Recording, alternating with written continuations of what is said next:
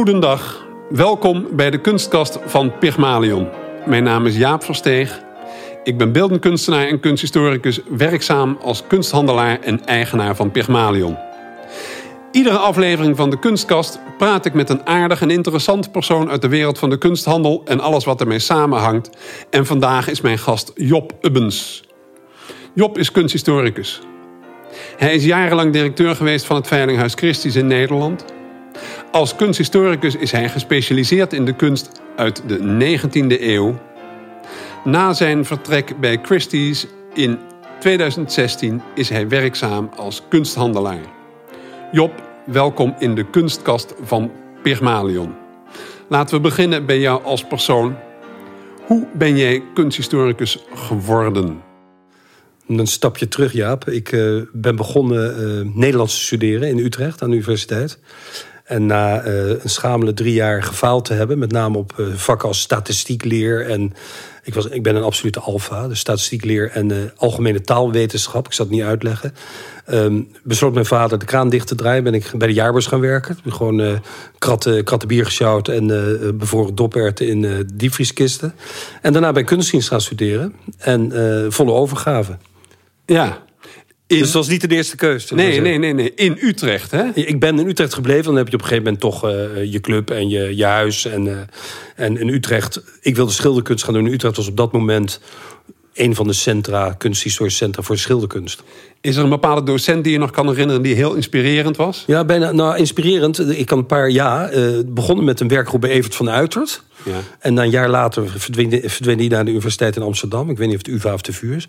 En vervolgens uh, nam Blotkamp het over en die vertrok ook.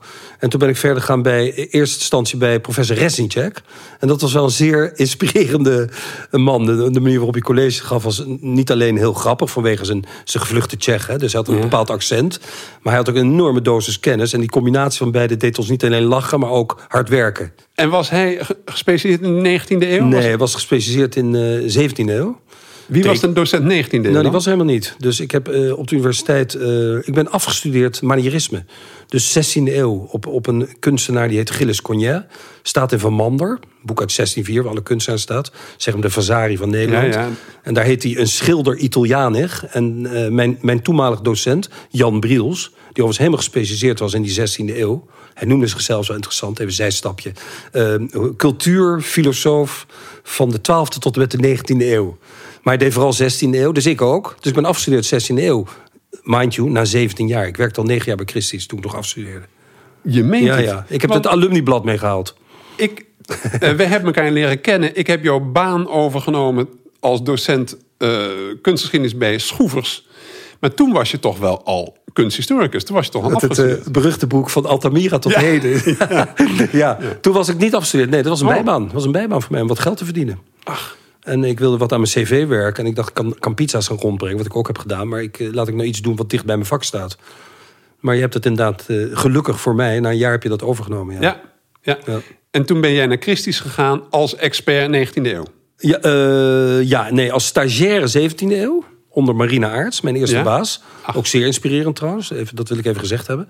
En op een gegeven moment eh, werd het allemaal opgesplitst... en werd, de markt boomde, dat was rond 1988, 89. Ja. En toen heeft ze eh, de boel opgeknipt. En toen deden een aantal mensen deden dus eh, de 20e eeuw. Dat heette toen moderne kunst. Hedendaags was er geen sprake van.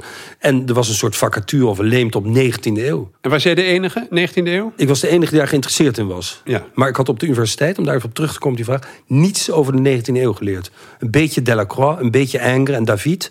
Maar de Nederlandse 19e eeuw, Koekoek, Schelfhout, Lijkert, ik had er nog nooit van gehoord. Maar Karel Botkamp is er wel in thuis, maar die was toen al weg. Dan die was al weg en die deed vooral uh, modern in die tijd, ja. in Utrecht. Kan ik ja. me herinneren. Ja. Ja. ja. Want hij was ook op een gegeven moment uh, de samensteller van de tentoonstelling Schilders van 80, samen met Richard Bionda. Ja, dat was, En la dat was- later. Hè? Tenminste, toen werd ik denk 92 of zoiets. Ja, dat zou kunnen. Ja, toen werkte ik inderdaad een paar jaar bij Christie's. Ja. En dat was natuurlijk toch ook een tentoonstelling die erg veel belangstelling heeft gecreëerd voor de 19e eeuw. Zeker. En- later in Utrecht ook, maar die heb ik gemist. Als ik, ze kwam na mij, Saskia de Bot. Ja, Die natuurlijk halverwege Parijs, hè, die dissertatie over. Oyens en de kunstenaars die tweede helft 19e eeuw naar Parijs Ja. gingen. Willem Roelofs. Maar dat was in Utrecht eh, niet aan de orde. Utrecht was echt iconografie, iconologie eh, en, en Resnicek. Ja. En het was erg gefocust, gericht op uh, vooral de 16e en 17e eeuw. Het uitleggen van schilderijen.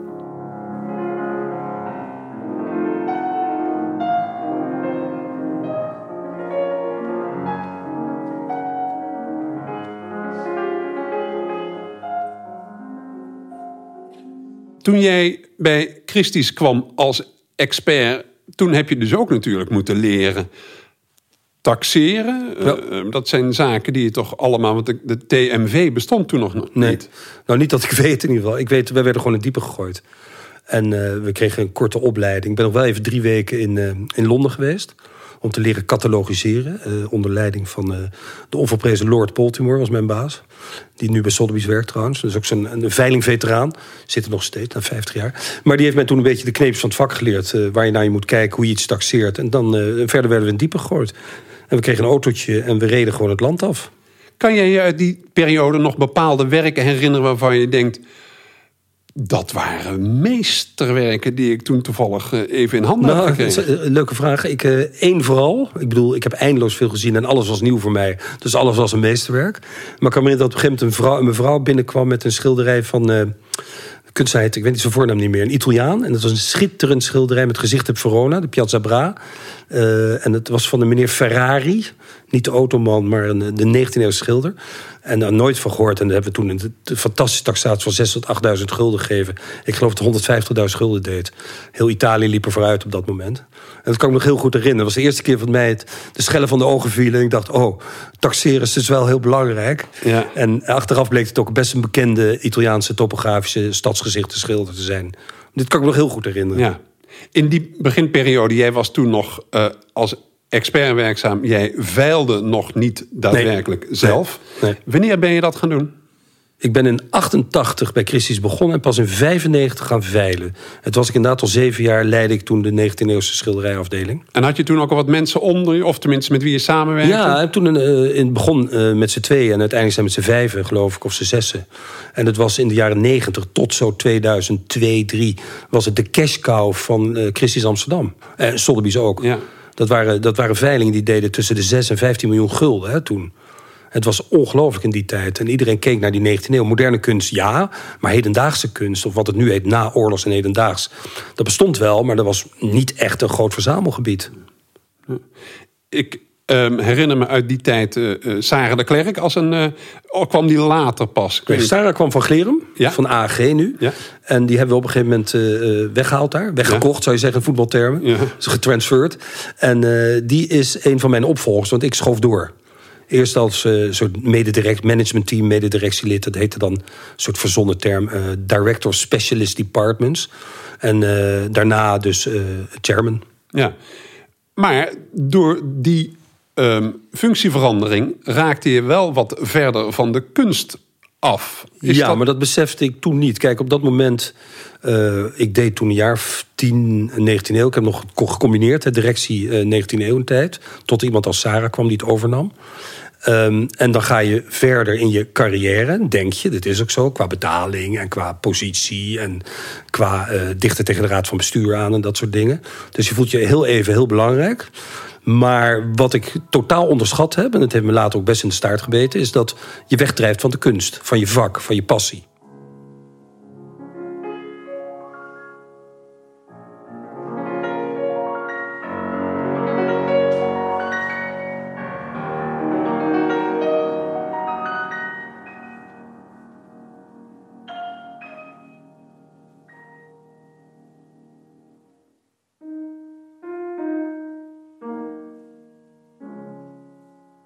In die periode dat jij bij Christus werkte, heb je ook een paar boeken geschreven. Ik herinner me een boek over Israëls, meen ik.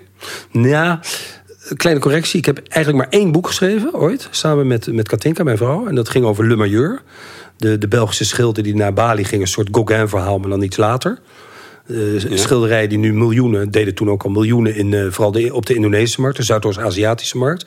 Maar ik heb wel artikelen geschreven, dus over, over Basic Koekoek, meegeschreven aan een boek over Israëls, klopt. Ja. En nog allerlei kleine artikelen voor tijdschriften als Tableau of uh, Sealed is en dat soort dingen. Maar ik kan me niet herinneren dat ik nog een boek heb geschreven. Oh, Wil ik wel hoor. Ja. nee, ik, maar, dan was ik in de war omdat ik je naam ook zag staan bij de auteurs bij het boek over Israëls bijvoorbeeld. Ja, klopt. Maar dat was met Saskia de Bot en John Silvis. En, ja. en ik nam dan het, het, het Indonesische werk van Isaac Israëls voor ja. Want als wij kijken naar de 19e eeuw, bij welk soort werk zit jouw belangstelling in de eerste plaats? Wat voor een soort schilderijen hebben jouw belangstelling? Nou ja, ik ben natuurlijk inderdaad zeer gepassioneerd voor die 19e eeuw en begin 20e eeuw. Dat gaat vaak moeiteloos in elkaar over, neem het symbolisme. Ehm, en ik ben vrij breed in mijn, in mijn smaak. Maar tegelijkertijd wil ik dicht blijven bij wat ik begrijp en wat ik mooi vind. En wat ik, waar ik de expertise op heb en waar, wat ik kan taxeren. En dat heeft met schoonheid en kwaliteit te maken. En dat heeft ook te maken met vooral atypische onderwerpen binnen het oeuvre van een kunstenaar. Dus ik hou vooral, om het even samen te vatten, waar kleine meesters groot in zijn. Ja, ik hou van Isaac Israëls. Maar niet alle Isaac Israëls. Je moet een, een beetje een typisch hebben. Ik vind ook kleine meesters die, die een keer een moment of brilliance hebben gehad vind ik geweldig. Dus daar ben ik ook echt op uit. Is het te makkelijk gezegd dat je altijd geboeid wordt door reisschilders? Dat is, een, dat is iets te makkelijk gezegd, maar dat is een belangrijk onderdeel, dat wel. Ik vind de Grand Tour bijvoorbeeld, of überhaupt reizigerschilders... en dan ook een beetje een atypische bestemming, hè? Grosso modo zijn bijna alle schilders in de 19e eeuw die gereisd hebben naar of het Midden-Oosten geweest of naar Italië. Niks mis mee, prachtig. Maar ik vind het leuk als ze nou eens een keer naar Spanje zijn geweest, of Amerika, of uh, Indonesië of India. Die zijn er namelijk ook. En die zoek ik dan, omdat die onderwerpen vind ik nou net aparter, zeldzamer, leuker en het zit dichter bij mij. En ik vind het spannender ook. Ja. Die voorliefde kon je um, niet uitleven in je tijd als directeur van Christie's? Of toch ook wel? Toch wel. Alleen uh, moet je even een, een soort uh, schisma aanbrengen tussen de eerste tien jaar en de tweede tien jaar. Ja. Zeg jaren 90 en, en 2000 en verder. 2005. We konden redelijk veel experimenteren. Dus we hebben ook veilingen gedaan samen met Verkade en zo over beeldhouwkunst. We hebben Afrikanisten gedaan, drie jaar lang achter elkaar. Guus Maris, een van mijn voorbeelden overigens, als kunsthandelaar, had een hele mooie collectie Afrikanisten.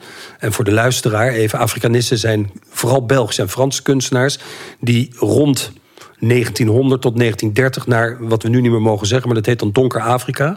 Dus alles ten uh, uh, zuiden van Marokko, et cetera, de Maghreb en ten noorden van Zuid-Afrika hebben geschilderd. Dus vooral in de Congo bijvoorbeeld, in Zaire.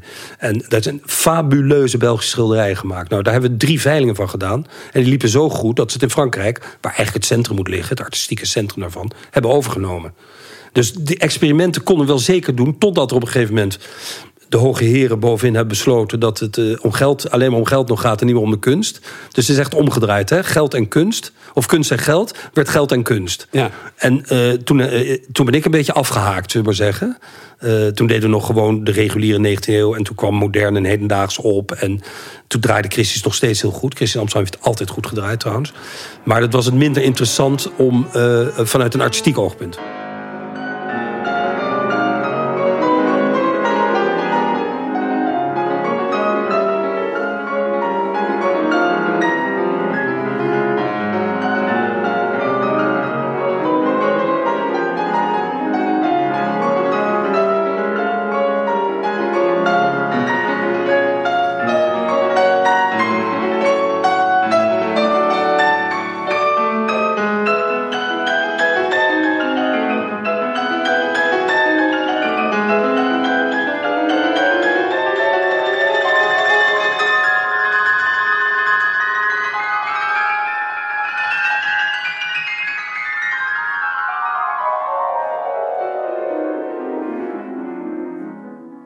Overigens nog even een ander experiment wat me te binnen schiet. Wat in jouw tijd volgens mij als directeur ook uh, voor het eerst hebben jullie toen tentoonstellingen georganiseerd in het uh, Christie's gebouw. Ik herinner me tentoonstellingen van bijvoorbeeld uh, Van der Waai, Klopt. Nicolaas van der Waai, maar ook van Willem Witse. Klopt. En dat waren? Ja, ontzettend leuke tentoonstellingen. Ja. dat had niets volgens mij te maken met verkoop. Nee.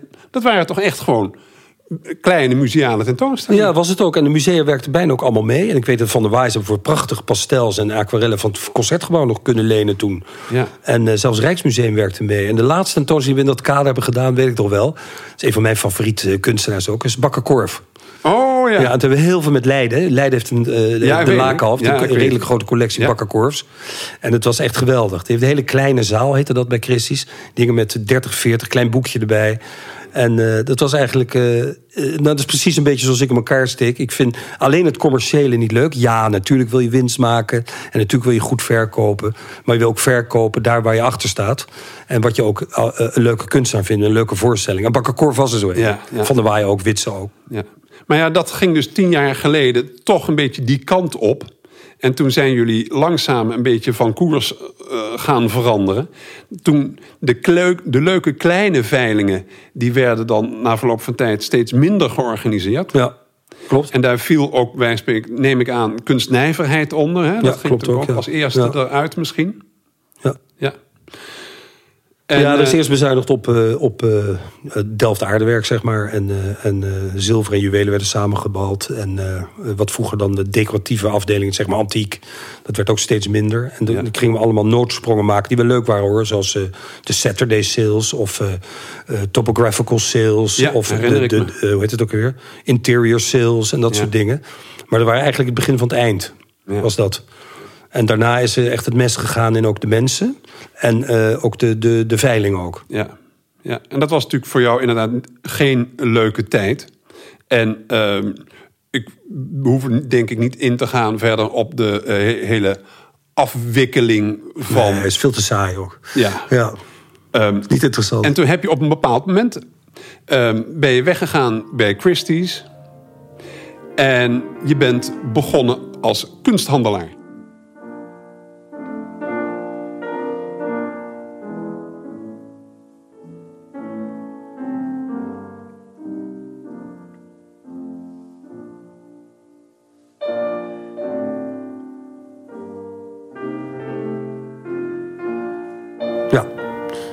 Even voor duidelijk, ik heb 30 jaar bij Christie's gewerkt... waarvan 27 zeer gelukkige jaren... waar ik ongelooflijk veel geleerd heb. Ja.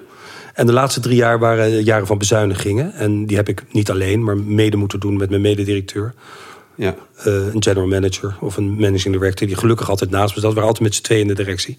Het was fijn, een HR mevrouw. En dat waren niet de allerleukste tijd. Maar dat is no- nog voor mij, maar vooral niet voor de mensen... die je hebt moeten ontslaan natuurlijk. Ja. Overigens is bijna iedereen weer in het vak terechtgekomen. Hè? Dat is ook zo grappig. Dat is mooi. Ja, Ja. Dat is wel een fijn gevoel. Ja. Maar inderdaad, toen ben ik eh, mezelf... de laatste ronde, was de derde ronde bezuiniging in drie jaar... heb me meebezuinigd. En dan krijg je een beetje mee en toen kon ik starten. Ja. Niet weten of ik ondernemer was. Ja. Even is nog. eh, je, Verkade is nog jouw opvolger geworden, toch? Nou, nog steeds. Die, is, Oh. eh, die, doet, die, had, die was toen al baasje Duitsland. Ja. En nu combineert hij het, Duitsland en Nederland. Ja.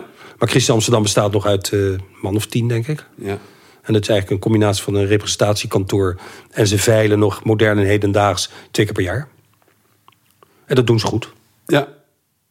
Jij bent ondertussen dus begonnen met Ubbens Art. Ja, En ehm, wat, waar ligt het zwaartepunt van het aanbod nu bij jou? Nou ja, ik, moet even terug. Ik begon met een, eh, het verkopen van een Jan Schoonhoven. Dat was mijn eerste deal. Niet mijn vak, even voor de duidelijkheid. Eh, ik, word, ik moet even eerlijk zeggen dat na 1950 word ik eh, licht nerveus. Dus Cobra, Nul. Niet dat ik ervan wegloop. Ik weet wel de connecties en wat dan ook. Maar ik begon met Jan Schoonhoven. Van iemand heel aardig als ik heb voor Jan Jan. Die had ik binnen een dag verkocht. Goede marge. En eh, daarna gebeurde zes weken niets. Dus ik dacht, oh jee, wat heb ik, waar ben ik aan begonnen? En toen dacht ik, waar moet ik naartoe? En ik dacht, ik blijf gewoon bij dat wat ik begrijp. En dat is de 19e eeuw, begin 20e eeuw. En heel langzaam eh, heb ik een tentoonstelling thuis gedaan. En heel langzaam kwamen mensen gewoon toch wel uit je Christisch netwerk... met, met goede en minder goede, maar vooral goede dingen... die ik redelijk, dat heet dan heel netjes in ons vak, plaatsen, kon plaatsen. En zo gaat het rollen. En de laatste, ik ben nu vier jaar bezig, dit is het vijfde jaar... Ben ik, eh, heb ik toch wel een, een soort niche gevonden waar ik denk, daar ga ik gewoon in door. Ja. Wat, dat is wat ik net verteld heb. Een beetje die idiosyncratische onderwerpen. Waar kleine meesters groot in zijn. Mijn eigen smaak volgend. ehm, in combinatie van zowel een conciliatie als kopend. Ja. En daarnaast, want volgens mij moet je nooit op één model gokken. Dus ik, eh, ik ben wel bij de pan, op de pan gaan staan toen. Ja.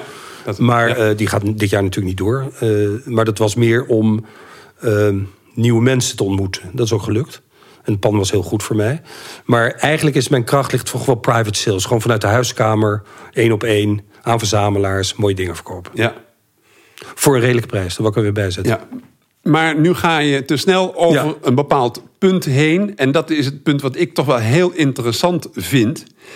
En dat is denk ik de kern van jouw werk. Waarom en wanneer is een schilderij naar jouw idee goed? Ja, je kan natuurlijk eerst het, het, het, rijtje afdreunen. Hè? Naam van de kunstenaar, het, belangrijk werk binnen het oeuvre van de kunstenaar... de staat er in het verkeerd, de tentoonstelling waar het gehangen heeft... de literatuur waar het in staat, et cetera, et cetera. Maar dat is niet genoeg voor mij. Dat is wel belangrijk, overigens. Daar begint het mee. Dat is de basis. Maar daarnaast eh, moet het mij aanspreken. Moet het het gevoel geven dat ik het mooi vind. En dat is natuurlijk een betrekkelijk begrip. En dan ga je al heel erg de filosofische kant om. Wat voor mij als mooi is, voor jou niet mooi. Het moet heel erg aan mijn smaak appelleren dus. Ik moet er echt... eh, een van de criteria die ik heb... eh, ik wil er, als ik het niet verkoop, vind ik dat niet zo erg. Natuurlijk wil je het verkopen, maar dan kijk ik er nog eens een jaartje naar. Prima, weet je wel? Dus alles... We zitten nu in mijn kunsthandel, of een deel daarvan. En alles wat hier hangt, sta ik volledig achter. Ja. Qua schoonheid, qua voorstelling, qua naam van de kunstenaar, qua formaat. Eh, eh, het, is een, het is een soort hybride samenstelsel van factoren. Maar dan gaan we die factoren toch uit elkaar Ja, eh, eh, trekken. En als je dan zegt, het moet mij aanspreken... wat is het dan in het schilderij dat jou moet aanspreken? Heeft het te maken met de techniek van de schilder? Heeft het te maken met de voorstelling? Heeft het te maken met een... Verzin het maar. Wat, wat is het... Nou, ik vind het best een moeilijke vraag, want het is het, is het allemaal. Hè? Het is eh, het- ook de naam van de kunstenaar. Als ik iets, iets zie. Nou, laat ik het zo zeggen. Ik ga nooit uit in eerste instantie van de naam van de kunstenaar. Ik, hoef niet, ik ben niet op zoek naar meteen Isaac Israëls of Jan van Gooien om iets te zoeken. Ik loop er niet van weg. Ik wil het graag tegenkomen. Maar als ik dan zo'n schilderij tegenkom, dan val ik als een blok. En dat is denk ik het belangrijkste criterium. Meteen als een koele voederen voor het gevoel wat je meteen hebt bij het schilderij waar je voor staat. En dan hoef ik ook niet na te denken of ik het mooi of lelijk vind. Dan wil ik het hebben. Of het lukt is een tweede. Ja. Maar dat is, dat is het belangrijkste. En ik denk dat je dat... Dus ik ben een beetje eh, liefhebber kunsthandelaar, om het zo te noemen. Ja, Maar in die volgorde ook. ja, hè? ja. En als we nu dit, diezelfde vraag doortrekken naar jouw functioneren als kunsthistoricus, kunsthandelaar. Wat wil jij met je functioneren als kunsthandelaar? Wat is jouw ultieme Nou, doel? eh, eh, eh, vanuit mezelf gesproken heel erg erkenning voor mijn smaak. ja. Dat vind ik heel belangrijk. Dat ik het goed gezien heb. En de, de, de, de blijdschap die ik met een bepaald kunstwerk heb... kunnen overbrengen naar een verzamelaar... op mijn part of een museum of wat dan ook. En dan blijken dat, dat diegene, man of vrouw... er net zo blij mee zijn als dat ik ermee ben. En dat ze het ook voor de lengte van dagen willen houden. ja. Dus niet voor de speculatie, niet voor de investering... maar gewoon puur voor, de schoon, voor het schoonheidsideaal. Ja, je noemt nu twee klanten. De particuliere verzamelaar en het museum. Ja, dat is een particuliere museum, van nou is moeilijk om over te praten. Maar zijn er musea in Nederland die jou in dat opzicht volgen... waar jij je in het bijzonder thuis voelt? Nou, ik weet niet of ze me volgen, maar ik ben bijvoorbeeld... Er is een mooi kunstschrift over uit nu. eh, ehm, eh, Fondation Custodia. Ja. Dat zit natuurlijk in Parijs, maar het is een Nederlands museum. De Frits Lucht collectie. Ja. Daar heb ik een aantal dingen aan, aan verkocht. Ja, ik ben niet de enige hoor. Maar dat, is, dat is, vind ik een heel mooi, smaakvol eh, museum. Ook op collectiebeleid. Eh, ik vind het Dordrechts Museum een fantastisch museum. Eerlijk gezegd. Ja. En eh, ja, en verder, eh, god ja, weet je, je wil altijd aan het Rijksmuseum verkopen, omdat het het Rijksmuseum is. Het is me trouwens wel gelukt met een tafel, maar niet met een schilderij. maar dat is een, eh, een zijsprongetje, was dat. ja. We komen nu eigenlijk alweer een beetje aan het eind. En dan heb ik een laatste vraagje op. En zoals je weet was Pygmalion een beeldhouwer uit de Griekse mythologie... die zijn schoonheidsideaal realiseerde in een beeld... en daar vervolgens verliefd op werd. Als we dit gegeven vertalen in een vraag... wat is jouw schoonheidsideaal in de kunst? Kan je dat formuleren? Ik dacht dat Pygmalion een toneelstuk was eigenlijk. Van, eh Van van Bernard Shaw, toch? Ja, Ja, ik- ja, maar dat was is- naar ja, Ovidius? En een musical. Ja, Hoe allemaal... heet het ook alweer? Eh, My Fair Lady. My Fair Lady, ja, allemaal... Ja. Aanvankelijk hadden we natuurlijk de meta- metamorfose van Ovidius. En daar wordt het verhaal verteld van de Cypriotische beeldhouwer koning Pygmalion... die op een ochtend Venus zag baden en toen dacht... Wat een schoonheid. Naar zijn atelier rende, haar is gaan hakken uit een stuk marmer. En vervolgens verliefd werd op dat beeld. En de hongerdood zou zijn gestorven, waren het niet dat Venus medelijden met hem kreeg. En het, leven, het beeld tot leven heeft gewekt. Galatea werd zo geboren. En dat is het verhaal van Pygmalion, die zijn schoonheidsideaal tot leven zag komen, gerealiseerd zag. Wat zou het schoonheidsideaal zijn voor jou als dat tot leven zou mogen? Nou, ik leef, leef best wel met het, uh, met het syndroom van Stendhal, moet ik eerlijk zeggen. Om het even, ik denk dat men dat wel begrijpt. Het is geloof ik in Florence ontstaan of zoiets. En, uh, dat je gaat uh, huilen en uh, transpireren en trillen en zo. Als je voor iets staat wat je zo mooi vindt dat je niet kan bevatten. Um, dat heb ik weinig, moet ik zeggen. Ik kan me herinneren dat ik één keer voor de, de Demoiselle d'Avion... in de, ik geloof in de MoMA in New York in ieder geval New York, stond. En altijd alleen maar over gelezen en gehoord had en plaatjes gezien. Maar dat, dat trof mij zo enorm. Dan ben ik helemaal niet zo'n Picasso-fan, maar dat schilderij. Heb ik een paar keer in mijn leven gehad. En dat is voor mij wel het criterium voor het schoonheidsideaal. Dat je daarvoor staat en dat je er op te beginnen nooit afscheid van wil nemen. Dus verliefd op wordt. Ja. En ten tweede dat je, dat je denkt, dit, dit, dit, uh, hier ga ik mee mijn graf in. Weet je, zoiets. Dat is voor mij het schoonheidsideaal. En dat ben ik weinig tegengekomen. Er is niets. Ik wil er wel lang naar kijken. Dingen die ik heb en die ik zie. En ik geniet ervan. En je hebt een bepaald hedonistisch rendement erover. Maar ik vind een schoonheidsideaal. Het komt denk ik maar één of twee of drie keer in je leven voor. In ieder geval bij mij. Dank voor dit gesprek, Job.